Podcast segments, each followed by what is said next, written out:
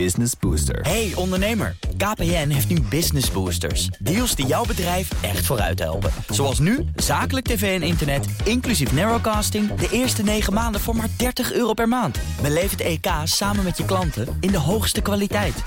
Kijk op kpn.com slash businessbooster. Business Booster.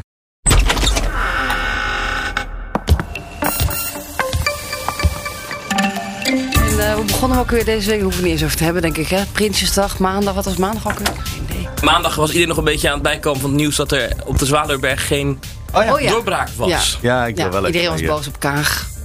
Jij wilde met dinsdag beginnen. Ja, Oké. het leek mij, eh, want dinsdag was het eh, de internationale dag van de vrede, zoals je weet. Oh ja. Eh, en ik vroeg me af. eh, nee, laat ik eerst even zeggen: dit is Nieuwsroom Den Haag. Met Sophie van Leeuwen, Thomas van Groningen. Ik ben Mark Beekhuis. We zijn weer gewoon in de ouderwetse eh, opstelling met z'n drietjes. Ja, Ongelooflijk. andere studio wel inmiddels. Ja, daar zitten we ook al wel een paar weken. Jawel, maar met deze samenstelling hadden we hier nog Ja, deze dat is waar. Hier hebben wij met z'n drieën nog niet zo gezeten. Kijk, nou, precies.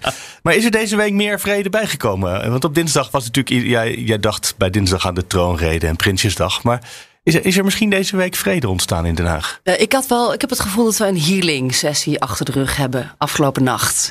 Toch een soort van. Ja, eh, morgen gaat de anderhalve meter eh, eraf. Hè? Dus nog een soort van. We, kunnen weer, we gaan weer knuffelen in Den Haag met elkaar. Het wordt weer ietsjes gezelliger. Ja, gisteren dacht ik echt, ze gaan op een gegeven moment mekaars handen pakken en kumbaya. En, eh, Ja? ja, dat gevoel had ik op een gegeven moment echt even. Het werd, het werd echt... eh, ik vind u de hele zo- dag al zo aardig. Vindt u de hele dag Dat heel aardig? stemt mij. Nou ja, ik u ook. Dank. Dat, dat treft. Ja. Ik vind u goed, wat vindt u van mij? ja. maar ik heb u beter gezien, maar het valt niet tegen. Maar je merkte, de sfeer in de plenaire zaal was, was optimistisch en wat uitgelaten. Maar ook daarbuiten, Gezellig was het bij ook. de liften werd gelachen. Bij de, er werd overal hing er een soort van opgewekte sfeer of zo. Ja, het was een ontlading ook, denk Bijna ik. wel, ja. ja. Een schoolreisje? Ja? Zo'n soort eh, enthousiast gevoel. Het is nergens op gebaseerd. Want je moet met z'n allen uren in een bus gaan zitten. Maar iedereen is wel helemaal blij. Ja, echt een ontlading van emoties eigenlijk. Ja, een eh, Nou, beetje giechelen ook. Een soort verliefdheid hier en daar. ja. En dat was, dat, dat was wel echt wel anders dan... eh, Dit was dus op donderdag. ja? Eh, op dag 2 van de algemene politieke beschouwing. Op dag 1 vond ik die sfeer er toch minder in zitten. Dus dat is echt gisteren ontstaan eigenlijk. Mevrouw Marijnissen, tot Voorzitter, wat een dédain is dit. Kom op, ik leg toch ook uit dat het naar mijn idee wel kan. En hij zegt hier eigenlijk nu tegen de Tweede Kamer... ik vind het echt bijna een schoffering. Nou ja, misschien is het niet zo heel verstandig. We moeten het even in een bredere afweging zien. De motie van mevrouw Marijnissen en de heer Segers wordt ook niet uitgevoerd. En er zat ook een soort van kantelpunt in. Want in de ochtend begon het echt nog wel fel. Dat je dacht, nou, dit, dit, dit, dit gaat niet goed, hè, Rutte. Eh, vlak na de start van het debat kwam die brief van Hugo de Jonge, de minister van Volksgezondheid, over die zorgsalarissen. Hè, de middeninkomens in de zorg krijgen er anderhalf procent bij. Ja. En dat werd dan betaald door 13 euro bovenop, onder andere trouwens niet helemaal, maar door 13 euro bovenop de zorgpremie, de jaarlijkse zorgpremie hier te doen. En nou, de Kamer had gezegd, nee, dat moet uit de vennootschapsbelasting komen. Nou, toen zag je die. Toen dacht ik even, oei, dit, dit, dit, dit wordt een treinramp. Ja, het is een dit heel debat. gevoelig punt. Weer die VPB. Hè. Na, na jarenlang geprobeerd natuurlijk die bedrijven, die 2 miljard aan die bedrijven te schenken. Ja. En ook de, hè, de, de BIC en natuurlijk de dividendtax. Ging het weer over de VPB. En notabene Gert-Jan Segers, die een opening bood om, om Rutte zijn zin te geven. Ja. Wat ik vier is dat mensen die heel hard werken in de zorg een salarisverhoging krijgen, tegemoet kunnen zien. Natuurlijk hebben we discussie over de dekking. Natuurlijk had ik een eerste voorkeur en dat- die hebben we opgeschreven. Maar als dan nu het verzoek is, geef ons de gelegenheid om daarover te praten in het geheel der dingen, zou ik zeggen, die vrijheid geef ik het kabinet. Toen ontstond er een keerpunt. Toen kwam op een gegeven moment kwam Rob Jetten kwam bij de microfoon. De Kamer wil voorkomen dat 2022 een verloren jaar wordt. En die, die sprak ook echt de premier erop aan van het gaat niet echt lekker hè. En we zijn nu twee uur aan het debatteren in de eerste termijn beantwoording van de premier. We zijn eigenlijk nog niet verder gekomen dan de zorgsalaris. En er komen straks dus al die andere onderwerpen komen straks ook nog aan bod. En op deze manier gaan we er vandaag en de komende weken met de begroting volgens mij niet uitkomen met elkaar. We hebben het over die samenwerkingen zoeken. Het wil maar niet lukken. En ik had het gevoel, niet, ik weet niet of het achter de schermen ook echt zo was, maar ik had het gevoel dat op dat moment het debat kantelde. Ik heb gisteren ook de minister van Financiën horen zeggen dat de overheidsfinanciën er opvallend goed uitzien. Dat het financieel-economisch zeer solide is en dat dat ruimte geeft omdat de overheidsfinanciën er beter voor staan dan voorzien. En mijn vraag aan de minister-president na dit debat over de zorgsalarissen: welke belemmeringen ziet hij om vandaag op volgende week bij de financiële beschouwingen als Kamer en demissionair kabinet tot stappen te komen om die begroting 2022 op te plussen bovenop wat er op Prinsjesdag al is gepresenteerd. De minister-president. Ja, dat, maar dat dan toch wel ook binnen een zekere mate van verstandig begrotingsbeleid. Dus uh, ik hoop dat ik de heer Jette daarmee kan. Er vrolijkheid ontstond. En uh, die vrolijkheid waar Mariette Hamer trouwens voor de zomer al om vroeg. Die zagen we gisteren. En dat daarna ineens op klimaat vonden ze elkaar. Uh, en, en toen is er achter de schermen blijkbaar ook uh, het is, rond de dinerpauze is die deal beklonken. Ik zag ook uh, overlegjes in de wandelgangen tussen Wouter Koolmees, minister van Sociale Zaken, uh, samen met GroenLinks en PvdA. Ook en na die ruzie over de zorgsalarissen staken ze ook op bij elkaar. Of ze rookten een sigaret. Volgens mij ro rookt Koolmees nog steeds. Of is hij weer begonnen? maar, Heb je hem nu even geout? even dat brandje blussen van die zorgsalarissen. En, en, en ja, je hoorde toen van daar komt, daar komt meer, er komt geld. We gaan, we gaan dit fixen. Er werden wat toezeggingen gedaan. Maar hoe werkt dat dan? Is het dan dat uh, Mark Rutte in de Tweede Kamer blijft volhouden? Er kan niks, het is wat wij bedacht hebben en dat gaat het worden. Tot het moment dat er ergens in een achterkamertje een deal gesloten is? Of uh, en dat hij dan ineens in de Kamer andere dingen kan gaan zeggen. Die hoe werkt dat? euro, dat was gewoon een openingzet natuurlijk. Je weet, als zij komen, als Sofie Hermans. Ja, uh, misschien moeten we gestuurd. iets van context zeggen. Want op een gegeven moment. Je hebt natuurlijk die, de, de begroting, de hele waarover gesproken wordt, van 350 miljard ongeveer. En uh, de VVD had als optie om over 1 miljard daarvan met de Kamer te gaan onderhandelen. En meer wilden ze eigenlijk niet. Hè? Dat was dat hun was plan. De smeekbede van Sofie Hermans op dag 1 van de algemene politieke beschouwingen. Die werd natuurlijk op pad gestuurd. Hè? Dus de, de adjudant, was de secondant van Mark Rutte. Met cadeautjes. Van jullie mogen zeggen waar het geld heen gaat. Dat was een openingsbod natuurlijk. Ja, want dat um, was niet genoeg. Daarvan hoorde ik uh, Klaver zeggen. 1, 1 miljard. We hebben het niet over 1 miljard. We hebben het over die 350 miljard. Dat is 0,3 procent waar u over wil praten. Ja, wij willen over de hele begroting meepraten. Maar ja, dan moet je dus eigenlijk natuurlijk met elkaar gaan formeren en, een nieuw, en, en, en in een ja. nieuwe regering gaan zitten. Iedereen was aan het eind van de avond heel blij. Dat zei u net al. Schoolreisjesgevoel uh, maakte ik ervan. Maar er is dan gesproken over 2 miljard. Wat een verdubbeling is ten opzichte van 1 miljard. Maar daarmee dus 0,6 procent van de begroting. Dus het is nog steeds toch een beetje. De regering doet wat ze, wat ze wilde. Of Ja. is, uh, zie ik dat Het te is, somber? het is peanuts. Hè? En ook, ook de- de- als je dan hebt bijvoorbeeld over het verhogen van die vennootschapsbelasting, hè, waar dan ook heel veel weerstand op was. De vennootschapsbelasting levert 10, nou, ik geloof miljarden op. Daar zou dan 600 miljoen bij komen. Dat is niet zo heel veel. Eh, en toch. Het is eh, symbolisch. het is, maar het, het, het is gevoel- ja, symbolisch, symbolisch aan de linkse oppositie natuurlijk. Ja. Eh, dus, dus, dat gaat wel gebeuren uiteindelijk, hè? 500 miljoen, geloof ik. Ja, ja. maar dus, Dus, dus maar ja. 2,1 miljard. Het, is, het zijn geen, eh, geen eh, enorm schokkende bedragen als je het op, op het totaal der dingen bekijkt. Maar toch. Maar daar hebben ze toch 24 uur over staan praten. Twee dagen van 12 uur ongeveer. Zeker, ja. Toch? Maar, Zoiets? en- en toch- je hebt ook nog kleine oogjes van een hele korte nacht, denk maar, ik. maar toch, Sofie, er zijn, als je het kijkt in historisch perspectief, best wel stappen gezet, toch? Het is wel dat, dat ze zo aan de begroting konden sleutelen. Dat is toch best bijzonder. Ja, na jarenlang eh, moties indienen over zorgsalarissen, lerarensalarissen, eh, ook voor politie, defensie. Want de SGP, hè, die, die, die deed ook mee op de achtergrond. Die wilde ook geld.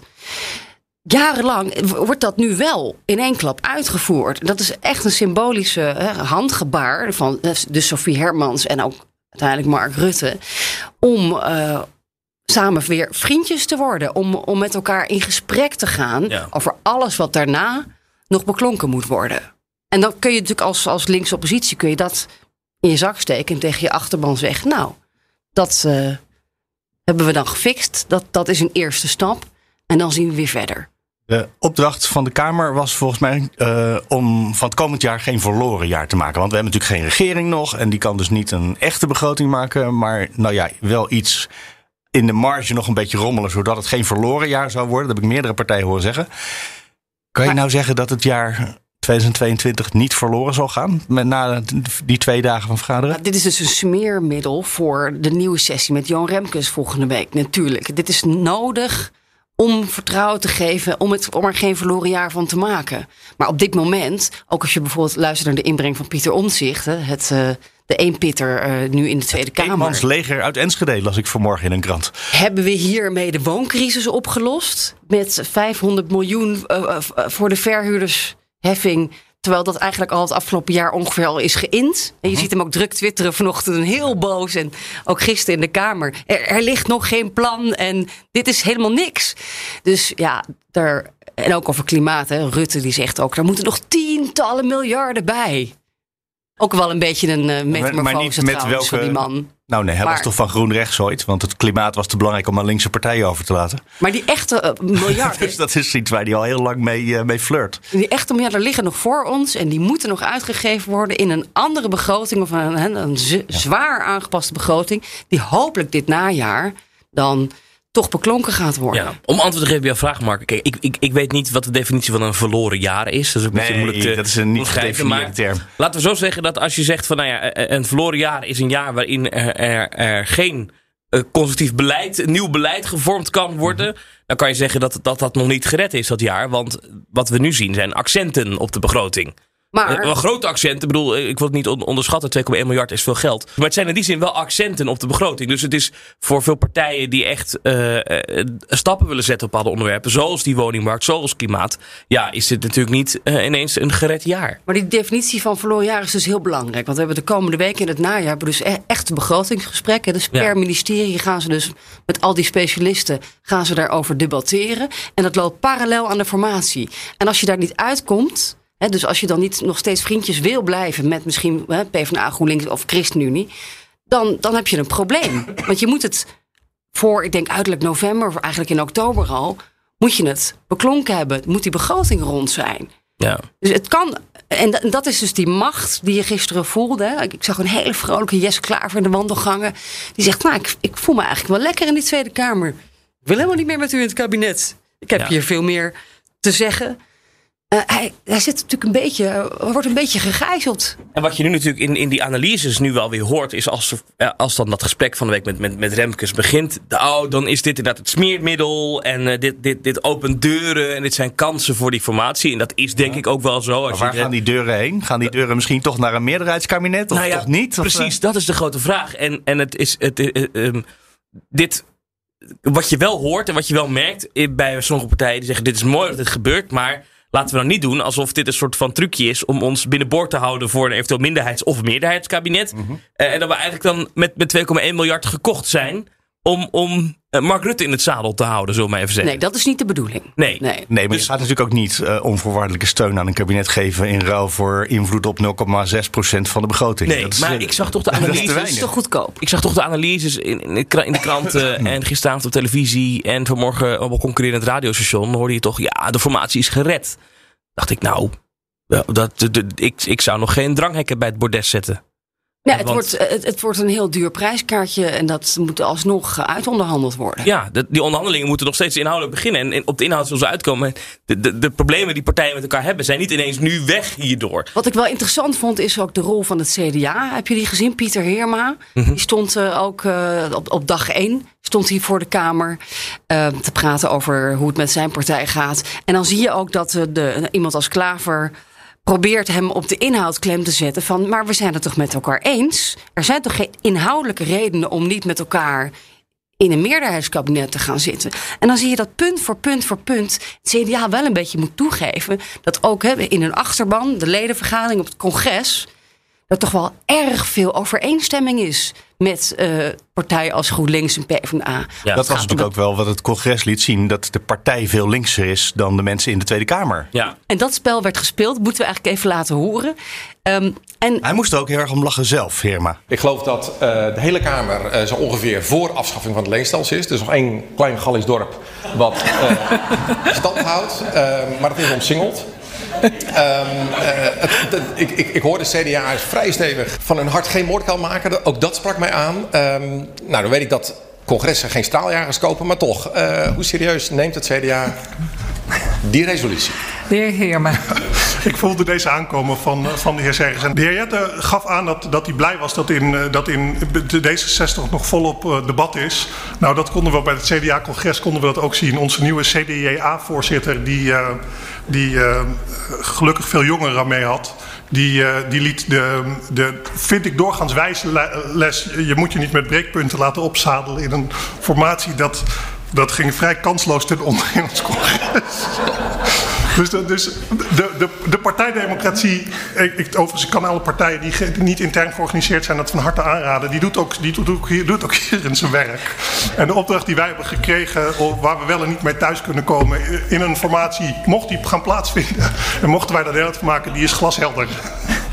De heer Segers. Ja, dat is inderdaad een klein detail. Die formatie moet wel beginnen inderdaad. Dat is, eh, dat is waar. Ja. Ja, en ik vond dat, ik zag ook eh, Bobke Hoekstra een beetje eh, ge- onderdrukt glimlachen in vak K. Want ja, het, CDA moet toch ook echt zijn ware gezicht een keer laten zien. Eh, En ophouden met het, het spelletje van eh, de linkse wolk. We moeten. Het gaat nu om het verloren jaar en om de woningmarkt. En dat, dat vindt Pieter Heerma ook ontzettend belangrijk. Er moet een ministerie van Volkshuisvesting komen. Dus Dat woord is nog niet door de anderen iets- overgenomen. Hè? Het is nog niet zo dat. Want Heerma heeft het steeds over volkshuisvesting. Dat is niet iets wat ministers en wat andere fracties als woord ook nu gebruiken. Die hebben het toch vaak over de woningmarkt nog Nee, steeds. Rutte, Rutte heeft het over. Is Rutte er mee, in meegegaan nu? Rutte zelfs is tijdens dit debat, en dat is dus toch een beetje die symbolische ideologische Een kantelpuntje, draai. kantelpuntje. Ook Rutte wil nu een ministerie van Volkshuisvesting. Oh. En als we het dan zo met elkaar eens zijn allemaal, dan zou je de toch inhoud ook... is het probleem niet. De inhoud Nee. is het probleem niet. Dus, maar, en, en ook de complimenten die we zagen, ook op dag één van de beschouwingen, voor Dirk Boswijk van het CDA. De, de hele oppositie omarmt de jongen, juicht naar die nieuwe CDA'er, eh, die, die wel mensen uit Ja. Afghanistan wil halen, die wel iets doen met, wil doen met hervorming van landbouw. Allemaal nieuwe stokpaardjes van die partij, waardoor ik nu opeens dacht, nou, zo'n meerderheidskabinet, ja, ik sluit het dan misschien toch ook weer niet 100% Maar dan wel Partij van Arbeid en GroenLinks. Of toch een van de twee. Nee, met, nee, die gaan denk ik niet meer uit elkaar. Nee, dus dan moet, het, dan moet de blokkade die VVD en CDA hebben op twee linkse partijen, die moeten er dan vanaf. Achter de schermen, door woordvoerders, wordt dit nog steeds keihard ontkend. Dit gaat nooit gebeuren. Maar goed, het prijskaartje wordt dan wel hoger. Dat is wat wordt gesuggereerd. Geen meerderheidskabinet. Als wij in de Kamer blijven, wordt het nog duurder. Ik wil nog één ding, want we hadden het even over het CDA. Dat, dat linkser is dan we misschien denken. Of in ieder geval... eh, Oh, dat dan de partijtop wil. progressiever, dat- ja. Ja. Eh, dat zag je gisteren natuurlijk ook bij, eh, bij Rutte. hè. Want Rutte stond er als de demissionair premier. Maar hij stond er natuurlijk ook als VVD-leider. Dat, dat zijpelde er natuurlijk wel tussendoor. En je Daar merkt... werd je ook op aangesproken een keertje. U staat hier nu even als minister-president, zei de Ja, voorzitter. hij maakte toen een grapje. Dat ging volgens mij over migratie. Toen zei hij, dan hopen we dat daar in die gemeenteraden... waar die, waar die asielzoekerscentra komen... dat er allerlei verstandige VVD'ers zit. Werd hij Ja, er even op aangesproken. Dat was in debat met Wilders, ja. Ja, Eh, maar eh, eh, klimaat. Hij is, eh, hij is bijna net zo, eh, gaat bijna net zo ver als de linkse partijen. Het gaat om klimaat. Ja, die willen nog meer. Dat snap ik dat ze nu, dat nu roepen, want die zien hun unique selling point verdampen. Maar eh, Rutte is natuurlijk gewoon ook een klimaatadept geworden en groen rechts, hè, wat hij zegt. En, en op, op- Wat waar- wat hij ooit ook was in het begin van zijn carrière. trouwens. Zeker. En hij heeft al vaker gezegd, een paar jaar geleden op die klimaattop in Polen. Misschien is dit- dit ook al. Misschien is dit gewoon de echte Rutte. Ja. Eindelijk kan hij zichzelf zijn. Maar dan ook bijvoorbeeld als het gaat om eh, koopkrachtplaatjes, als het gaat om eh, migratie. Dan zie je dat hij op dat vlak helemaal niet zaken kan doen meer met Eerdmans en Wilders. Maar dat hij wel zaken kan doen met CDA, Partij van de Arbeid, GroenLinks, ChristenUnie. Kortom, En, maar is dat op de inhoud of zit dat er misschien toch in dat die linkse partijen, twee van de drie, zich goed eh, georganiseerd hebben? Terwijl er heel veel kleinere eh, rechtse partijen zijn. Wilders, je hebt eh, Van Haga, je hebt eh, Baudet, je hebt de Boer-Burgerbeweging. Misschien vergeet ik er zelfs nog wel eentje. ja, rechts opereert niet op, Ja, op, 21, op, op rechts opereren ze niet als één blok. En op links heb je natuurlijk dat blok Partij van Arbeid Ja. en GroenLinks. Die samen optrekken. De SP valt er nog een beetje buiten. hè. Die zaten nog gisteren een beetje in anti-Rutte kamp. En u moet weg, wat doet u hier nog? En dat, dat verhaal. Maar dus dat, is inderdaad, dat zou mee kunnen spelen. Dat daarom misschien Rutte langzaam met, de rug naar rechts toe draait. Maar, of na- ja, dus de rug naar rechts. Dus waardoor hij dus open draait naar links. Ja, of, of dat misschien tactiek is om, om zo'n formatie vlot te trekken, Sofie. Dus om de Partij van de Arbeid en GroenLinks binnenboord te krijgen voor of meerderheid of minderheidskabinet. Of dat dit de echte nieuwe VVD-lijn is. Dat, dat, dat kan ik nog niet helemaal plaatsen. Nou, ze zijn dus tot elkaar veroordeeld. Dat, eh, dat is wel duidelijk. Ja. En ehm, tegelijkertijd zie je dan eh, als eh, Rutte en Klaar voor elkaar de, de liefde verklaren. En ik vind u zo aardig. En eh, oh, en Rutte zegt: Ik ga ook speculanten aanpakken op de woningmarkt. Dat was in het debatje over de, de verhuurdersheffing. Dan, dan denk je: Oké, ze hebben elkaar gevonden. Het is helemaal aan. Maar uiteindelijk zegt hij: zegt Rutte. eh, Klaar voor u moet uw heilige huisjes dan wel thuis laten. En ik ook. En dan beginnen we met een een blanco velletje met een wit papiertje. Ja. Dus hij doet geen enkele inhoudelijke toezegging, maar hij maakt een ideo- ideologische draai Ja. naar, nou ja, naar links. En vervolgens, ja, hij, doet, hij, doet, niks. Hij zegt niks. Hij zegt niet, ik ga, eh, ik ga daar geld voor vrijmaken. Of eh, ik ga u concreet de belasting verhogen op bijvoorbeeld, hè, dus de, de huisjes, de, eigenaren, de verhuurders bijvoorbeeld. Ja. Dat is eigenlijk wat ze op de links willen. Hè? Of de Prins Bernard tax. Daar heeft hij geen enkele toezegging over gedaan. Maar hij zegt alleen maar, ik, ik, ik hoor u. Ik, ik ben het met u eens. Maar Ik erken dat het probleem zo is zoals u hem omschrijft. Dat, dat zegt hij dan. En ik wil met u praten. Ja. Maar that's it. Dus dan moeten we nog maar zien. Maar dat, dat gaf dat wel die, echt die, die linkse partijen. gaat, gaat leveren. dat, dat gevoel dat ze zaken konden doen. En je zag dan, dat vond ik dan wel geestig om te zien. Je zag dan bijvoorbeeld dat Joost Eerdmans van Ja 21 ook naar de interruptiemicrofoon komen. En die had natuurlijk net gezien dat bijvoorbeeld een Jesse Klaver om een bepaald onderwerp best zaken kon doen met de premier. Dus hij dacht, dat ga ik ook even doen, bijvoorbeeld op migratie eh, en over klimaat. En moeten we niet meer kijken naar, eh, en in plaats van eh, de uitstoot van CO2 terugdringen, zit een Eerdmans meer op ons land beschermen tegen de gevolgen van klimaatverandering. Eh, klimaatrealist noemt hij dat. Dus die, die hoopte ook zaken te kunnen doen met de premier. En dan merkte hij toch dat dan bam, de deur dicht ging bij Rutte. En dat dat, dat niet kon. En dan zei Rutte, ja, ik, hoop dat, ik hoop dat ja 21 nog aan boord komt bij de klimaatplannen. Maar dat, dat, dat, je zag echt een verschil in de, in de houding van Rutte ten De opzichte ene van... gunt hij meer dan de andere. Ja, Je zag hem ook, je zag dat ook ook spel wat zijn. frustratie op bij, bij, bij Eerdmans. Die zegt, ja, eh, u u beweegt naar links. U beweegt naar links. Ja, Dat- Ik ga weer een stukje naar rechts proberen te trekken, hoorde ik hem ook zeggen. ja, dat lukte niet. Dus oftewel, ja, hij staat een beetje buitenspel. Ja. En wilde dus ook. Ja, terwijl als hij met z'n allen één groot blok zou vormen. Maar ja, het is het tegengestelde eh, wat er de afgelopen tijd gebeurde natuurlijk. Want elke keer blijkt er nog weer een nieuwe rechtse fractie bij te komen. Maar dan zou ze misschien ook wel een aantrekkelijke club zijn om mee te praten. Niet voor iedereen, maar gewoon qua, qua stoelaantal. Ja. Toch? Ja, zeker. Er wordt er vaak gesproken over een rechtse meerderheid. Alleen daar wordt het CDA dan bij gerekend. En het, Ja, het die is, eh, in, de, in de Kamer zijn ze ook, eh, zeker de vorige fractie en de huidige minister van Financiën, die willen best wel rechts zijn, is mijn indruk. Maar de Rechts rest, midden. midden Ja. rechts. Ja, goed. Nou goed, Ja, niet VVD, en, rechts, eh, een beetje rechts, ja. VVD en CDA schuiven op naar het midden. Dat is al heel, heel lang zien we dat aankomen. Al sinds eh, Klaas Dijkhoff over de Philips-samenleving begon. Volgens mij is dat alweer twee jaar geleden. Tijdens de algemene politieke Ja, beschouwingen. twee, misschien zelfs wel drie. Best wel een tijdje terug. Dus ehm, goed, ja. het is dus het midden versus de flanken. Hè? Dus, eh, en de flanken zijn, zijn extreem en zijn van die Rutte moet weg. En eh, het moet helemaal anders. Er moeten helemaal nieuwe poppetjes komen. We moeten het helemaal anders gaan doen. En de vraag is nu, maar die kan ik nog niet beantwoorden. Maar is, is dat midden kon dus gisteren lekker met elkaar samenwerken. het brede midden noemen ze het de Brede hele tijd. midden. Dat zijn die 2,1 zes partijen Ja. die de hele tijd met elkaar kopjes koffie drinken. En met Remkes. D66, CDA, ChristenUnie, GroenLinks, Partij van de Arbeid. Die kunnen blijkbaar eh, die kunnen zaken doen met elkaar. Dat is gisteren gebleken. Alleen de vraag is, was dat nou één hele goede dag? Waarbij toevallig alles even lekker liep en iedereen goed gehumeurd was? Of is dit echt eh, de nieuwe politieke realiteit dat dit de zes partijen zijn die ons land eigenlijk gaan besturen Nou ja, de komende dat, jaren? dat, dat, dat lijkt me duidelijk. Ja, natuurlijk. En dat is precies of wat Hamer eigenlijk constateerde voor Remkes. Dat is dus de, de inhoud waarop ze elkaar best wel kunnen vinden. Dat ja, is- maar dan, ik denk de, de vraag die Thomas opwerpt is: wordt dat, de, wordt dat één regering van zes partijen misschien? Of wordt het toch die minderheid waar nu echt Ja, werkt dat zou ik wel met leuk vinden. steun Ik zou van dat, die, eh, ik van zou dat best leuk vinden, een regering met zes partijen.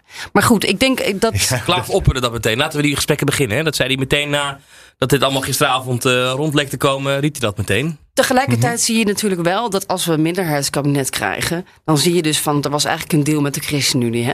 Ja. Gisteren. Dat was gewoon de oude coalitie, die is eh, still alive. De coalitie leeft nog. En dan kun je dus zaken doen eh, met Zombie.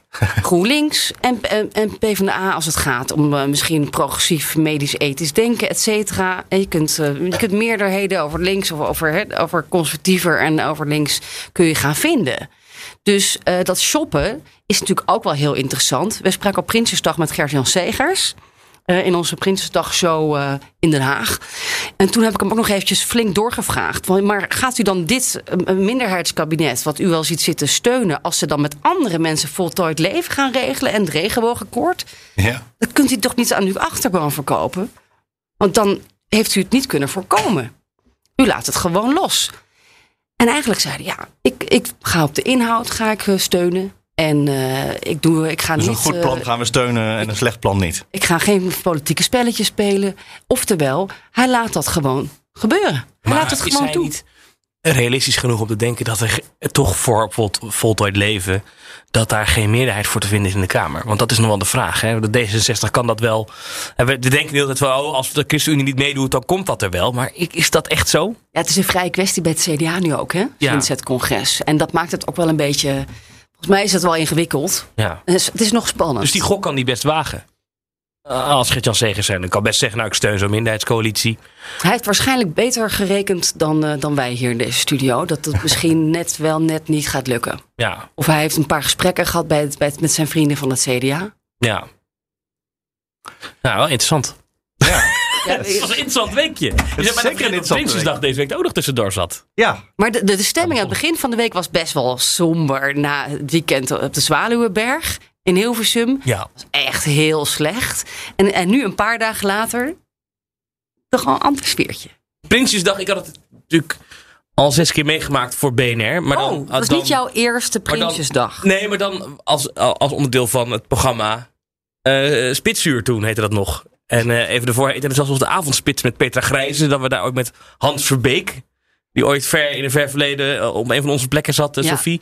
Deden we die Prinsjesdag uitzending daar. Was, dus, dus zo had ik er al zes meegemaakt. Maar het was toch anders dan wanneer je als verslaggever naar die grote kerk mag. Om daar in dat persvak direct na die troonrede die mensen te mogen ontvangen. En hoe was dat daar dan bij de Grote Kerk? Niet bij de Ridderzaal dit jaar. Nou, Wat heb je daar meegemaakt? Nou, ik, Gekke kwam, dingen? ik, ik, ik heb dus een beginnersfout gemaakt. Eh, en de beginnersfout was... eh, ik had de dag ervoor had ik vanaf de nieuwe locatie van de Tweede Kamer, B67... het gelopen naar de Grote Kerk. En toen was het 17 minuten lopen. dat is best snel. Dat is best snel. Ik dacht, nou, het zal iets drukker zijn op Prinsjesdag. Laat ik er nu een half uur voor uittrekken.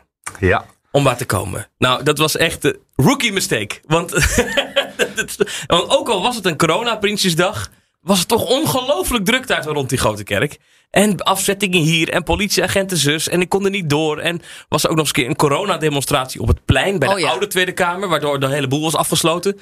Toen liep ik daar en toen waren er gelukkig twee agenten... die eh, vaste kijkers zijn van het programma Veronica Inside... waar ik wel eens aanschuif nu. En die zeiden, oh jij bent van de... Van de, kom maar. Wilde ze wel gelijk een foto en ik moest de groeten doen aan Johan Derksen. Dus bij deze. Maar toen mocht ik het daar door. Maar uiteindelijk kwam ik echt een paar minuten voordat we ons daar moesten melden... bij de Scanstraat, kwam ik daar aan bij die grote Wat? kerk. Oh, dus je moest Ja. je QR-code laten zien. Nee, eh, omdat het hele gebied Nee, rond het de is een grote kerk... vergadering. Dat hoeft niet. Nee, maar Oh. het gebied rond de Grote Kerk eh, was vanwege de komst van de koning. En omdat het natuurlijk een, een hoog veiligheidsrisico heeft, moest je door een soort van sluis heen. En dan daarbinnen was je gecontroleerd. Dus je moest je schoenen uitdoen. Je moest eh, je microfoontjes op een band leggen. Maar ik had allemaal van die kleine microfoontjes. En ik had helemaal zakken vol gepropt. En ik had mijn riem uit en mijn schoenen. En het was allemaal gedoe. En ik had het allemaal zo opgerold. En in die bak. En ik had een partij stress daar op dat moment. Want ik was dus al laat. En toen, kwam, toen ging die bak er doorheen. En dan moest je je schoenen weer uitdoen. Maar ik, had, ik had, was een beetje bezweet. En mijn pak zat een beetje strak. Dus het ging allemaal niet lekker. Dus ik had echt een extreem stressvol kwartiertje. Toen gingen andere journalisten van andere omroepen. Die zeiden, wat duurt dat lang? Waarom doe, waarom doe jij er zo lang over? Je houdt heel de boel op. Die gingen me staan opjagen. Toen riep ik nog, als je me opjaagt, gaat het niet sneller. En kortom, er was één groot kookpunt. Ik was helemaal stijf van de stress. Stond ik daar zo. En toen begon de troonrede. Zo. En uiteindelijk mocht ik wel naar binnen. Eh, Nog net op tijd. nog net op tijd. en toen, dat vond ik dan wel bijzonder, dan, dan, dan eh, komen die, die fractievoorzitters, die komen dan naar buiten. Dat komt in één buts. Wat wel geestig is, is dat ze allemaal heel braaf op anderhalve meter in die grote kerk zitten. Maar dat ze wel met z'n allen door één hele kleine deur naar buiten komen. Dat je denkt, wat heeft dat dan nog voor zin? Waar is de anderhalve meter? Maar wat me dus opviel, dat vond ik dus zo geestig aan die gesprekjes die je daarna voert met die fractievoorzitters. Dat gaat helemaal niet over de troonrede. Dus Nee, Nee, nee, want dat is zijn traditie. dus dat zijn eh, teksten die ze de dag tevoren al verzonnen hebben.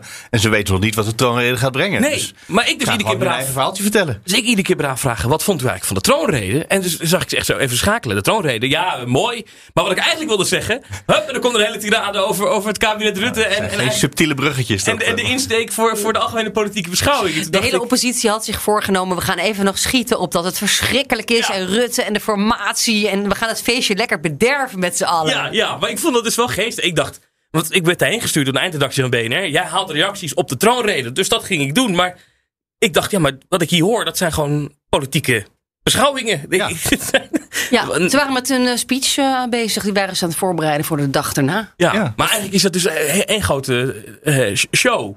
Ja. Maar natuurlijk, eh, je zet een koning heel- en een koningin op een troon en die laat je een tekstje voorlezen. Dat is, het is theater. Eh, en symboliek. En Ja. het betekent ook wel echt iets, maar Er waren een aantal, bijvoorbeeld Gert-Jan Segers en, en, en Kees van der Stuin, ik heb het nog teruggeluisterd, die echt op mijn vraag echt... eh, Kees van der Stuin had ik niet, maar die stond bij buurman, die had ik even meegehengeld. Maar die echt, echt op de vraag, wat vond u van de troonrede, echt inhoudelijk inging op de woorden van de koning. En echt het stukje citeerde nog uit de troonrede. Maar voor de rest, al die fractievoorzitters, allemaal bam, met een eigen ingestudeerd vooraf verhaal. Al die woordvoerders mochten daar ook staan trouwens. En wat vonden ze van de troonrede? Ja, mooi. En, wat, en, nou, wat vonden jullie van de troonrede? Nou, ik vond het eh, sowieso veel versprekingen, maar ik vond het ook somber. En ook, nou ja, we hadden het eigenlijk ook op, op de zender over van de week. Dat het een beetje elan miste. Een beetje toekomstvisie van daar gaan we naartoe. Het voelde, voelde niet zo lekker. En, en het koning zat ook niet helemaal lekker. Nee, maar moet kabinet. dat niet bij een demissionair kabinet? Dat je dan zegt, ja, de, de vorige regering zou hier eh, deze kant uitgaan, maar... eh, ja, maar dat het was dus een super negatief verhaal. Terwijl macro-economisch, ik had net die ochtend ook allemaal briefings gehad over de arbeidsmarkt, weet je wel, over de, de macro-cijfers. Dat gaat natuurlijk met hele, heel veel mensen in dit land helemaal niet goed. Dus ik kwam daar helemaal, helemaal opgebeurd uit van, nou, weet je, eh, en we kunnen weer een doorstart maken met dit land en Ja. eh, met de economie. Maar da- dat proefde ik helemaal niet terug in die troonrede. Het was echt heel erg, nou ja, het, het is ook heel verschrikkelijk geweest. Toeslagenaffaire, Afghanistan. Is ook allemaal heel erg. Maar daar zat wel erg veel nadruk op. Nou ja, maar toch die hand in eigen boezem. Die het, kabinet deed in de troonrede. Want dat was een hand in eigen boezem van het kabinet. Daarvan viel me nog wel op dat ik dacht. Misschien had, had daar een persoonlijke noot van de koning. eh, ik weet niet hoe je dat zou moeten doen in een troonrede. Maar had dat iets persoonlijker gekund? Als het gaat om die toeslagenaffaire. Ook in deze week natuurlijk. De timing is briljant. Die documentaire over die toeslagenslachtoffers. Hè, als je ziet waar die mensen doorheen zijn gegaan. Dat is natuurlijk vreselijk. Ik, ik, kan me voorstellen dat dat misschien toch. eh, dat, dat, dat, daar net iets, dat dat net iets verder had kunnen gaan dan een hand in eigen boezem, zoals die werd voorgelezen. Ja. Ook omdat de koning in die zin een rol speelt in de toeslagenaffaire. Klinkt misschien een beetje gek, maar dit bedacht ik me van de week ineens. Al die brieven die die ouders kregen, die dwangbevelen, daar staat in koeienletters boven. in In naam der koning. Ja, dus ik dacht, ja, weet je, hij speelt daar in die zin. Dacht ik, daar hadden ze Had hij misschien. best iets over kunnen zeggen. Ja, wellicht wel. Ja. Sorry. Not in my name, ja. Ja. Ja, maar misschien dus denk ik nu uh, hardop nadenken dat ook uh, al die, die derrie die daar dus uit, uit op die troon naar buiten kwam, al die ellende, dat het ook onderdeel is van die healing sessie die we deze week hebben gehad. Zeker, ja. Dus even met al, alles naar buiten en het was zo verschrikkelijk en dat was het ook echt. En dan Sofie Hermans ook nog die dag erna, het was verschrikkelijk en ik sta hier oprecht en dat, dat, dat moet dan even naar buiten om dan daarna elkaar te kunnen omarmen en de ook nog een speech van Rutte gisteravond over een herder of zoiets. En weer door te gaan ja, met onze toekomst. Het beeld van de goede herder in het oud-testamentische verhaal van David de Goliath eh, zou ik nog even willen terughalen. Want die keert namelijk, meneer Van der Staaij, ook terug in de akte van verlatingen van 1581, zoals u ongetwijfeld weet. Eh, deze afzwering door de Staten-Generaal van de Spaanse koning. Pijnlijk in de Spaanse geschiedenis kom je er niks meer van tegen. Maar goed, wij zijn er heel veel mee bezig nog. Dus deze afzwering door de Staten-Generaal van de Spaanse koning, die zijn herderlijke plichten verzaakte, stond twee eeuwen later mede aan de wieg, zoals we allemaal weten, van de Amerikaanse onafhankelijkheidsverklaring. En de grondwetten. Toen iemand daar, de geleerde politicus Benjamin Franklin, die in Nederland eerder zelf ook had bezocht, vroeg welke staatsvorm de grondwetgevende vergadering had gekozen, antwoordde hij: A republic, if you can keep it. Deze woorden bevatten een blijvende aansporing aan burgers en volksvertegenwoordigers om hun staatsrichting te onderhouden en te laten werken. En dat geldt evenzeer, denk ik, voor de parlementaire democratie in ons land. En u weet, wij zijn een republiek waarbij één familie altijd de president levert. Eigenlijk zijn we een republiek, zei Rutte. Dat vond ik ook wel Een republiek met een president uit één familie. Ja, zoiets. Ja. Overigens, de, de- over Prinsjesdag nog even. De talking point van de VVD op Prinsjesdag. eh, en die was duidelijk doorgegeven aan zowel Sophie Hermans als aan Mark Rutte. Was vrij duidelijk. Als het aan mij ligt. U kunt op mij rekenen dat ik alles op alles zet om zo snel mogelijk tot een kabinet te komen. Dat, die, letterlijk die zin kwam een keer uit Rutte en kwam een keer uit Sophie Hermans. En Rutte ging zelfs bij de collega's van de NOS een stapje verder door te zeggen: Ik verwacht dat er snel een doorbraak komt. En ik had de eer om, ehm, en dat schijnt nogal een eer te zijn, om, eh, om vier uur eh, bij het torentje, bij het ministerie van Algemene Zaken, bij het momentje te zijn dat Rutte nog even met wat journalisten praat, omdat hij niet aanschoof in onze uitzending. Ja, normaal gesproken schuift u gewoon aan in de uitzending hoor. Dus, dat deed eh, hij, ja, dat deed hij nu niet. ik weet niet of En- dat een en- eer was. Nou, er is normaal altijd een momentje waar bijvoorbeeld, waar bijvoorbeeld de, de, de, de, de, de, de doorgewinterde journalist altijd even een interviewtje mogen doen. mocht je tussen staan Daar mocht ik dan voor de verandering een keer tussen staan. Nou, maar dat snap ik wel. waarvoor Want dan? jij was toch deze week genomineerd als verslaggever van het jaar. Klopt ja. Dus allemaal Dus- stemmen. dus- maar daar kom ik zo. Maar, maar toen stond ik... Maar En toen, kennelijk ben je ook wel eh, op die plek inmiddels. En toen, toen zei Rutte daar, over, eh, toen werd hem gevraagd naar die vertrouwenscrisis. Wat, wat kunt u doen eh, om het vertrouwen te herstellen? En toen zei hij, als we zo snel mogelijk een regeerakkoord hebben met Elan, dan zal het vertrouwen herstellen. Dus hij denkt... En, en, en, Weer dat elan, hè? Dat Ja. elan is een belangrijk Precies, woord. dat miste dus in de troonrede. En dat komt terug op het bordessen en dat, gaat, dat, dat woord komt terug. ja. Onthoud Misschien wordt dat wel, wel de titel van het regeerakkoord. Ja, een regeerakkoord met Een nieuw elan. elan. Met Elan. Een nieuw elan. Elan, ja. Nieuw elan. Het zou zomaar kunnen. Al lang geschreven, weet jij veel. Ja, maar er was nog iemand waar die, die ik die woorden heb horen zeggen. En dat is? Van ik ga mij persoonlijk inzetten dat het allemaal goed komt. Rob Jetten van D66, niet gehoord? Die zei, ik ga mij persoonlijk inzetten om, nou ja, om, om dit te fixen. Ja. Ehm, en, Mag en ik eh, dat zeggen dat dat best wel laat is? Dat hij dat vanaf nu dan kennelijk pas gaat doen? Dat dat zes maanden ook al eerder had gekund? Ah, ook wel interessant dus dat, dat, dat de rol die hij dan weer kreeg... terwijl Kaag niet meedeed aan het debat. Hè, om inderdaad ook weer er adjudant eh, kapitein Jette op pad sturen... om dan zich persoonlijk in te zetten om het wel te regelen. Terwijl Kaag toch wel... Nou ja, en ook een verbindende rol in het debat op een of andere manier wist. Ja, het omslagpunt wat we te net maken. zeiden, Ja, dat, dat precies. kwam toch wel echt van hem. Ja. Dus, ja. En ook zijn, zijn lijmrol hè, z- tussen dus de linkse oppositie en het kabinet... zag je ook een beetje met Segers, hè, ook als lijmer... eh, tussen misschien meer de rechterflank en de linkerflank. Dus die, die smeermiddeltjes, die, eh, die hebben hun werk gedaan. Althans voor nu. Maar dan kan dus mevrouw Kaag eh, D66 zijn en vertegenwoordigen. En daar is een tweede man die tijdens dit debat heel goed gewoon als, als debater ook toont. Mhm. Die kan op de achtergrond de partijen bij elkaar houden. Ja, hij zou, dan, het, ook hij zou dan het oliemannetje kunnen zijn. Ja. Ja, met de hulp van Koolmees natuurlijk ook. Ja. De ultieme olieman in het, kab- in het demissionair kabinet. Gisteren in deze podcast, in eh, de gewone. Gewoon, noem het maar gewoon. Het is elke dag een beetje bijzonder. Eh, toen iemand had een, eh, een limerick gemaakt over de verkiezingen in Den Haag en over hoe alles daarna liep. Eh, namelijk, in Den Haag is de vraag wie met wie? Alleen met die. Of al dan niet met Sigrid Kaag. En toen ik dat had voorgelezen. Ja, die vind ik leuk. Ja, dit is een hele goede samenvatting. Ja. Dus toen zei ik, nou misschien zijn er nu meer mensen die ineens gedichten voelen opborrelen. Mail ze maar. Kom op. En voor het eind van de dag was er meteen nog iemand die een mailtje stuurde. Met een ander gedicht. Dat had ze niet zelf gemaakt. Dat is uh, Annemies Roosentaal, die een gedichtje van haar vader. Uh, een paar jaar geleden overleden. Veel somberder trouwens. Hadden ze toen ook al formatiecrisis? Nou, het is, ik, zat, ik zal het ook voorlezen. Dan zal je horen dat het leven toen ook al niet zo goed was. Ik weet niet van welk jaar het was.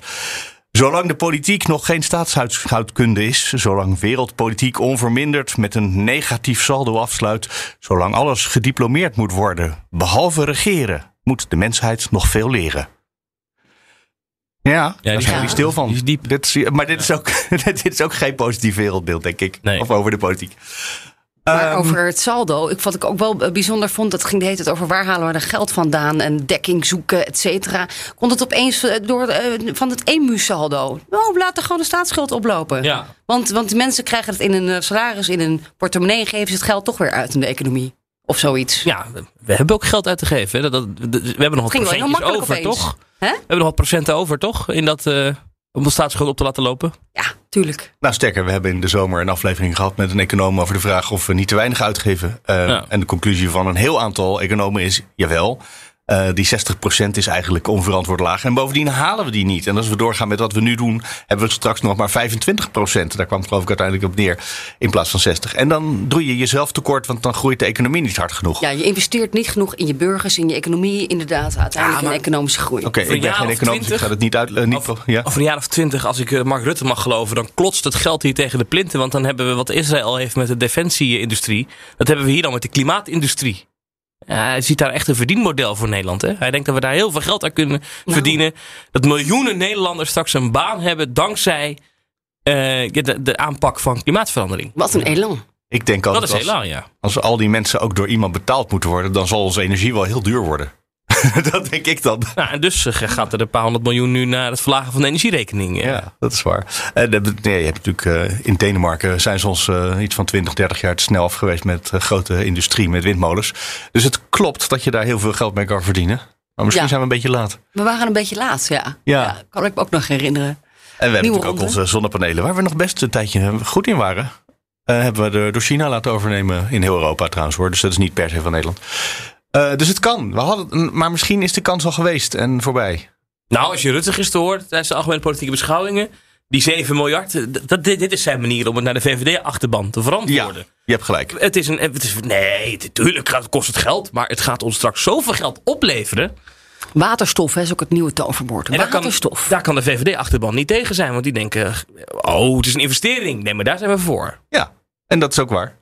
Nou, het is misschien ook voor een deel is het als je die 7 miljard is waarschijnlijk minder, het is 6,8 trouwens, hè. Eh, waarschijnlijk minder dan eh, de schade die klimaatverandering op gaat leveren. Denk even wat we van de zomer eventjes hebben voorbij horen stromen in, eh, in Limburg. Zeker, zeker. Dat speelt ook. Als je dat elke paar jaar hebt, dan ben je zo aan de 7 miljard. Ja, Limburg werd ook expliciet goed genoemd in de, In de troonrede, in de hè? troonrede. Ja. ja. Ja, en verder hebben we nog het Urgenda-fonds waar we nog steeds niet eh, aan voldoen, volgens mij. Dus het is ook een beetje achterstallig onderhoud, hè? Ja, Die 7 miljoen. Zeker. Ja, nee, ik begreep dat we, maar ik was met vakantie een paar weken. Ik begreep dat we het Urgenda-doel voor dit jaar precies, of net niet, of net wel, maar Ja, precies zouden halen. En mede geholpen door corona, dus voor volgend jaar zijn we er nog niet. was het eerst wel en toen toch niet. En het gaat zo goed met de economie dat iedereen, iedereen stapt weer in de auto. Dus eh, we, ja, we bungelen een beetje op de net, net wel, net niet lijn, geloof ik. Ja, is eigenlijk, ik heb het woord stikstof wel een paar keer gehoord, maar is daar nu ook iets eh, voor bedacht tijdens de beschouwingen? Niet tijdens de beschouwingen. Dit is een dossier waarvan de premier ehm, eigenlijk zegt... dat gaan we tijdens de formatie eh, verder afwikkelen. Ehm, Een grote olifant hè, is dat nog steeds. en dat, heeft ook, dat gaat namelijk heel veel geld kosten waarschijnlijk. Zeker als het gaat om het uitkopen van die boeren. Ja. Eh, goed, dat- de plannen zijn nou uitgelekt. Hè? De pla- 15, ja. 17 miljard, ehm, wel of niet, ja, toch een beetje gedwongen op sommige plekken uitkopen. en laten we zeggen Het dat gaat als, een beetje die als, kant op. als Officieel is dat besluit nog niet genomen, heb ik de minister een paar keer Nee, zeker zeggen. niet, zeker niet. Maar als dat dus bij de formatie op tafel komt, wordt de rol van het CDA natuurlijk wel heel interessant.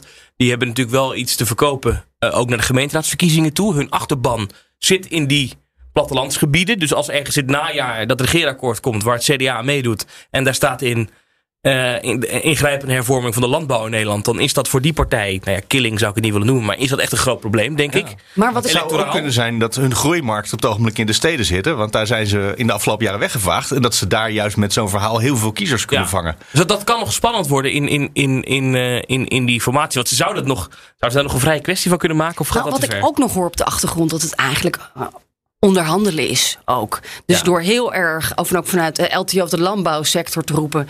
never nooit gaan jullie ons uitkopen. Dat is prijs opdrijven. Dus het is ook een spelletje van tot op het laatste moment Ja. keihard tegengas geven. Tot dan eh, er in plaats van 1 misschien wel 2 miljard jouw kant op komt. Of misschien wel hè, 20 miljard. Of, die prijs Ja. moet omhoog. Dus dat, dat speelt ook mee op de achtergrond. Wat wel opviel trouwens, want ik dacht even van... Oh, dan rennen al die CDA-kiezers naar de boer-burgerbeweging van eh Caroline van der Plas. Mhm. Of Caroline van der Plas. Ehm, sorry, dat vond ik een heel leuk grapje wat ik afgelopen week hoorde. Goed, maar dat geldt. Eh maar eh, d- dat blijkt niet zo te zijn, hè? Want die kiezers die dus in die peilingen naar de BBB toe komen... die komen vooral van de, van de rechtse partijen. Ja, Forum en zo. Voor, ja. die komen helemaal niet per se. Ja, een deel wel. Maar het is niet dat dat, dat, dat de grote leegloop van het CDA naar die partij is geweest. Nee, en zou het ook nog kunnen, want jij noemt nu die gemeenteraadsverkiezingen, dat ze, dat ze de oplossing voor het stikstofprobleem nog even over die verkiezingen heen proberen te tillen? Ik kan me haast niet voorstellen dat je dat niet in een volgend regeerakkoord hebt zitten. Want dan. Het is wel echt een urgent probleem. Ja. Er Wat zijn gaan ze dan zeggen? problemen. Als dat regeerakkoord En dan gepresenteerd wordt. er komt een onderzoekscommissie die over een half jaar. eh, Die hebben we gehad, commissie Remkes. Ja, dat er kan toch nog een Er kan advies nog wel een nieuwe commissie bij, toch? Dat heb ik Rutte gisteren in het, eh, in, het, in het debat ook een paar keer horen doen. Dan zei ja, de Kamer heeft een uitspraak gedaan. Nu, we gaan erover nadenken. Nee, we doen het niet. Oh, er komt de commissie En, over de eh, dan, gaan we woningmarkt. erover- dan gaan we nadenken over wat we met de uitslag van de stemming moeten. En dan moet u nog maar een keer stemmen. Ja. Eh, de- de- dus je kan dingen gewoon Ja, maar goed, een, deze, oneindig een herhalen. D66 en, en, en wellicht die linkse partijen als ze, als ze mee onderhandelen. Heeft dat gaat gebeuren natuurlijk. Maar die zullen hier wel spijker met koppen willen slaan als het gaat om eh, stikstof. Want anders zien ze Esther oude hand alweer bij de interruptiemicrofoon staan namens de Partij voor de Dieren. Ja, is die daar weg geweest al? Die staat daar toch de hele tijd? Nee, hele lange vragen. Ja, ja, die, ja nou, dat, wat ik, daar wil ik nog één ding over zeggen. dat viel me ook wel op. Is dat de voorzitter, denk ik, eh, wel 500 keer heeft gevraagd. Kort en bondig, kort en bondig, kort Ja, en ja, ja. Maar dat dat niet echt wilde lukken. Nee, maar dat doet ze elke even- week doet ze dat 500 keer. Ik heb het ook nog even persoonlijk gevraagd. Ik zeg eh, tegen Vera Bergkamp, hou, hou ze kort hè. Hou het kort. Toen keek ze me aan. Toen lachte ze, ja, ja, dat zeg ik de hele tijd. Maar dus ze doen het niet. Het lukt niet. Nou ja, ik zag in het eh, Belgische parlement, daar hebben ze gewoon een enorme grote klok. Die is een meter hoog of zoiets. En die telt af en aan het eind ben je klaar. Oh, dat, ja, Dat perfect. doen ze in het Amerikaanse Senaat geloof ik ook. Wel Eh, heel saai. Maar goed. Ja. Nou nee, maar je weet gewoon, je hebt twee minuten. Nou, dan heb je twee minuten. Of bij die interrupties mag je geloof ik 30 seconden praten. Maar je kan je ook makkelijk vijf minuten van Bij maken. tv-debatten ook. In Nederland. ja, puntje van orde. Ja, en als iedereen ziet dat de tijd op is, dan kan je altijd toch gunnen dat je je zin af mag maken of niet.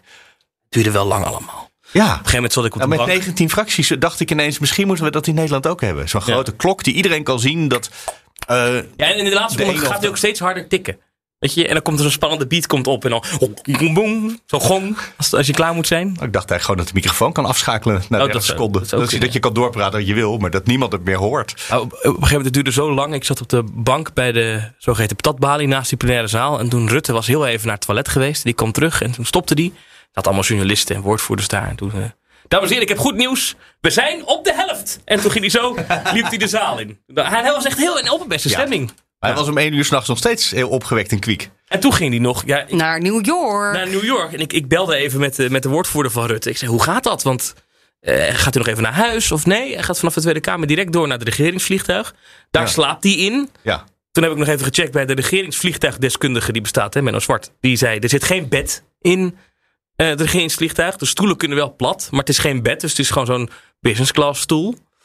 Eh, en, Wat eh, sober. Wat sober, ja. En dan bij aankomst in New York gingen ze overigens naar een goedkope luchthaven. Niet naar JFK, maar naar een iets goedkopere. Want het kost blijkbaar heel veel geld om zo'n vliegtuig daar een hele dag te stallen. Nou ja, goed. Ja, het landingsrechten zijn al duur. Ja. Ja. Eh, en dan hebben ze een, eh, dat hij even kan douchen en een schoon pak aantrekken. Maar de eerste afspraken stonden dan meteen gepland. Dus hij kan niet nog even daar. Toen dacht ik, nou, na, Als hij niet na- kan slapen in het vliegtuig, heeft hij echt een probleem. ja, ja. Maar nou hoorde ik gisteravond van Jort Kelder, en die kent hem goed, dat eh, Mark Rutte die kan overal slapen waar hij die wil. Dat schijnt, eh, die kan op commando slapen. Oh ja, ik kan dat ook. Dus ik kan toch, is toch een kans om dan eh, Kan je op commando slapen? premier te worden. Nee, grapje, never. Nee, ik kan ja, in treinen, auto's, bussen. Oh, eh, kan dat ook niet zo Anywhere. Ja. Ja. Handig. En dan, dan, en dan hou je het ook langer vol. Als je dus goed, eh, goed slaapt. Maar dus geen quinoa, salades. maar, want Tom de Bruin is mee, de nieuwe minister van Buitenlandse Zaken. Wat is er mis Geen yogamatjes. Wat is daar mis mee? Nee, ik verwijs even naar eh, de grap van Geert Wilders. Eh, zo, begon, zo begon de beschouwingen hè, met eh, de grote aanval op Sigrid Kaag. Voorzitter, waar is Sigrid Kaag? Als minister wilden ze ook al niet naar dit debat komen, maar voor een snoepreisje naar New York gaan. Ze had haar koffers al gepakt. Heerlijk. Flaneren op Fifth Avenue. Fijn quinoa salades kouwen met haar soortgenootjes. Lekker biologische muntthee sippen. Haar yogamatje voorzitter zat al in haar Louis Vuitton koffer. Ik moest daar persoonlijk toch wel om lachen. Ik kan daar wel heel erg van genieten, van dat Ja? soort eh, pesterijen. Maar goed, Ja, Wilders is daar wel heel goed in. Dat Ja, kan je niet dat ontkennen. was een beetje theater. Ik vond het erg veel tijd kosten. Het kost veel tijd. Het ging Ja. nergens over natuurlijk. makkelijk overgeslagen kunnen worden op de eerste dag. Maar dit is, wat, dit is ieder jaar zo met de algemene politieke Met beschouwing. Wilders heel, met eerst. alle grote debatten is dat zo. In het verleden was het dan vaak dat hij toch begon over zijn eigen bescherming. Of over, over, de, eh, over de situatie met de islam in Nederland. En dat daar dan weer, dat dat dan heel de dag de headlines domineerde. Daar Dat ging dat- het uiteindelijk ook nog wel even over ja, maar natuurlijk. hij domineerde daarmee nu niet de headlines. Dus, dus dat, Nee. dat, dat moment was hem afgepakt. Wat wel even de headlines dreigde te domineren was het moment met eh, Thierry Baudet. Mhm. Die ehm geïnterpreteerd werd door eh Rob Jetten. En Rob Jetten begon over die holocaustvergelijking die FVD'ers eerder hadden gemaakt. Want daar had Baudet namelijk in zijn eigen bijdrage helemaal niet over. Maar doordat Jetten erover begon, ja, gaf dat weer de mogelijkheid aan, aan, aan Baudet om daar weer een heel verhaal over te houden. En toen En D66 om weer zich weer te profileren als de anti-Baudet. Ja, partij. Nou ja, goed. Want, hij- want als je, ik kan even terug te luisteren. Het verhaal waarmee Baudet daar ging staan was een heel erg verhaal over die Great Reset. En over, over dat corona een middel is om de wereld langzaam te veranderen naar de zin van progressieve partijen, bla bla bla. Ehm, en en helemaal, het ging helemaal niet. Er zat geen enkele holocaustvergelijking in zijn spreektekst. Nou, ik heb dat verder niet meer meegenomen op de radio. Maar inderdaad, Rutte ging daar nog op in eh, over zijn bezoek aan het monument. En dat, Ja. dat hij moest huilen met mensen over wat er gebeurd was. En dus dat heeft nog een paar koppen gehaald. Ja, en die jongen ging pontificaal met zijn rug naar de spreekstoel te zitten. Ja. Ja. Dag 1 zat ik op de publieke tribune. En dan mag nu weer publiek in de Tweede Kamer. En dan moet je een tijdslot reserveren. Mhm. Dat is wel best moeilijk om tussen te komen, begrijp ik. Want er zit vaak vol. Er zijn bijna geen stoelen. Al die stoelen zijn afgeplakt. Zat iemand te slapen? Toen dacht ik, dan heb je een tijdslot gereserveerd. Het had ik kunnen zijn. Ik kan, al, ik kan, ook in zo'n stoel kan ik heerlijk slapen. Wat heel grappig. Dus ik zo, dacht ik, nou, dan word je wel wakker. Nee hoor, die bleef, eh, ja. Ik heb niet gezien hoe het afliep. Ik denk dat een bode wel op een gegeven moment... eh, We hebben hierachter nog wel een kamertje. Gaat u daar, dan kan er iemand zitten. ja, daar kan er iemand Ja. zitten, ja. Hoe is dat trouwens eigenlijk in die nieuwe zaal? Als je daar nu zit, want het is klein. Er zijn eh, geen plekken speciaal voor journalisten. Ja, het is wel Eh. een beetje behelpen. Want ik heb dan je laptop mee. En die, ja, die moet je dan op je knieën. Of, of eigenlijk, dat ging ik dan toch maar. Ik had mijn opschrijfboekje meegenomen voor aantekeningen. En mijn telefoon. Ehm, dus uiteindelijk, ik vind het lastig werken. Heeft als het muurtje hoog? Is er nu inmiddels stroom? Want ik begreep dat dat er ook niet was. Nee, er zijn geen stopcontacten. Dat is toch ook idioot? Maar het, het muurtje is hoog. Dat klinkt stom, maar bij de oude Tweede Kamer had je een, een, een balustrade op, van de publieke tribune. Daar zaten van die spleten in waar je doorheen kon kijken. Overigens, een collega parlementair verslaggever liet ooit zijn telefoon daar doorheen vallen. De plenaire zaal in, dus je moet daar wel een beetje mee uitkijken. Alleen nu is dat muurtje dicht. Maar als je op de eerste rij van de tribune zit, het zijn maar twee rijen. Dan zie je ze nog. Nou, dan zie je vak K en de voorzitter, maar de, de zaal zie je niet. Je ziet niet. Dus dan moet je echt opstaan als je even wil zien wat er. Wie er allemaal bij die interruptiemicrofoon staat. Ja, ik vind dat nog altijd wel interessant te zien wat er bij die. Nee, of gewoon ook wat er in. Als er een motie in de maak is, dan zie je bijvoorbeeld dat, dat, dat iemand even gaat shoppen bij een andere partij. Weet je, dat Ja. vind ik altijd interessante dingen om waar te nemen. Je kan er niet zoveel mee, maar dat, vind ik, en dat- kan je nu vanaf de publieke tribune niet goed zien. Hele waardevolle informatie. Je ziet wat daar gebeurt en wat voor spelletjes er worden voorbereid. Maar dus ik moest ook, ja, ik, ik ben regelmatig gaan staan, maar er zitten weer mensen achter je en, nou ja, en, en be- beveiligers. Maar inderdaad staan en, en dan naar voren leunen om toch nog te kunnen zien wat er gebeurt. Maar die achterste rij zie je niks van. Nee. Ach ja. Ach ja, ik bekijk het meestal vanaf thuis op een eh, livestream. En dan mis je alles van dit soort Over die nieuwe Tweede Kamer, heel kort. Ik sprak iemand die betrokken is eh, bij eh, de verhuizing en het hele project. En die zei: Het gaat soepel. We zijn hartstikke blij. Er is niks aan de hand. Want ik moet zeggen dat wij vooraf, eh, Sofie, wij toch nog wel eens dachten: Oeh, dat kan nog wel eens helemaal misgaan. Wat nou als dit niet werkt in dat gebouw? Wat nou als dat niet werkt in dat gebouw? Nou, kun je wel, nee, ik wil niet gaan zeiken nu, maar er zijn wel een paar dingen die niet werken. Zoals? Nou, we hebben bijvoorbeeld geen geluid uit de Tweede Kamer. Dat noemen wij de logger. Dus gewoon. Oh ja, oké, maar dat zijn kleine dingetjes, weet je. Maar het is niet zo. We dachten even, wat nou. eh, ja, ja, voor, natuurlijk, maar eh, over het algemeen, eh, er zijn geen hele grote problemen met die verbouwing. Hè, het, het is geen Amsterdam Arena, weet je, waar, waar tot maanden na de heropening, eh, of daarna opening, eh, en het grasveld was niet goed, en de akoestiek was niet goed, en de, De stoeltjes keuken is wat los. beter, en- heb ik de indruk. De koffie, eh, de koffiebar. Iedereen is wel blij. Mensen voelen zich er wel thuis. Het is lekker dicht bij het station. Alleen het, weinig eh, klachten. Alleen het, eh, het modder, hè? Eh, de modder op de achterkant. ik vroeg mij af, is, dat nou gemaakt door een kunstenaar? Of heeft gewoon de architect gedacht, we moeten hier nog wat mee? Het is heel duur kunstwerk. Ik weet even niet meer hoeveel. ton, geloof ik, mijn hoofd. Ja. Ja, want die wordt de hele dag wordt die, eh, in de maling genomen of weggezet als iemand die iets raars gemaakt heeft. Ja. Lijkt me niet leuk. Misschien Caroline van der Plas vond het heel mooi, zei ze. keer- Ja? maar dat is natuurlijk ook eentje van van de de, van de grond en de aarde. De boeren, ja. Ja. ja. Maar ik moet toch wel steeds toch weer aan die paardenpoep denken. Ja, als Jan Rutte weer bij die spreekstoel ziet en, en wat er op zijn- op zijn hoofd neerdaalt. Het, het blijft. eh, Ik ben er al wel aan gewend. Alleen die vloerbedekking moet er een beetje aan wennen. Maar verder. Want die is hoogpolig, hè? Ja, die vind ik niet zo mooi ook. Maar... Ik moet zeggen dat ik daar eigenlijk niet op gelet heb. En waar ik als journalist het meest aan moet wennen. Als we nu toch aan het zeiken zijn. Dat is dat de Tweede Kamer nu twee uitgangen heeft. Hè, waar je bij de oude Tweede Kamer. eh, daar was het voor een politicus erg moeilijk om weg te glippen. eh, zonder de pers eh, door, door de, en de pers te ontlopen. Dat was moeilijk. Dat kon wel in de oude Kamer. Dat was heel moeilijk. Moest je echt.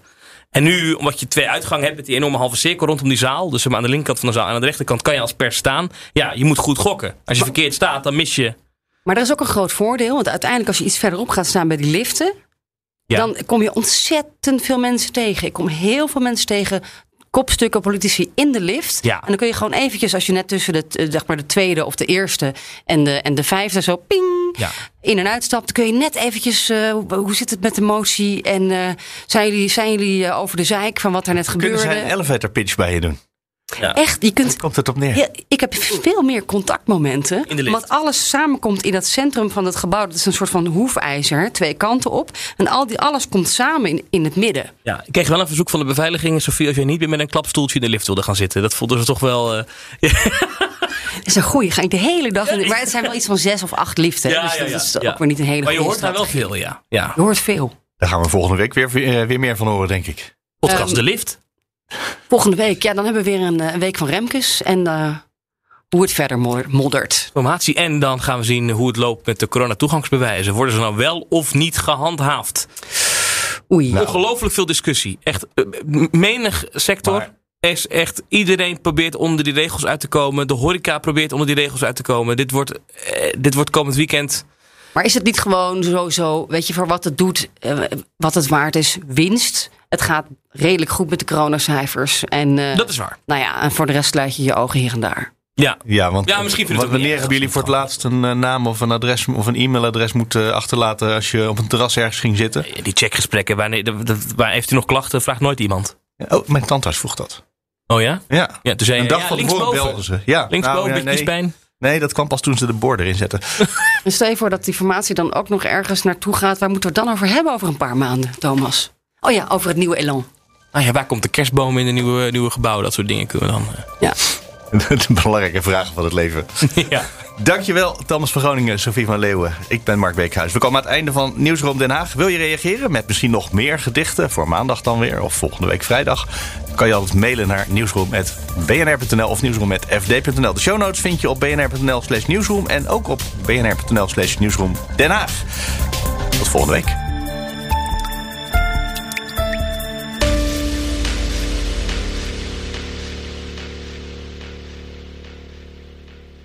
Business Booster. Hey ondernemer, KPN heeft nu Business Boosters. Deals die jouw bedrijf echt vooruit helpen. Zoals nu, zakelijk tv en internet, inclusief narrowcasting... de eerste 9 maanden voor maar 30 euro per maand. Beleef het EK samen met je klanten in de hoogste kwaliteit.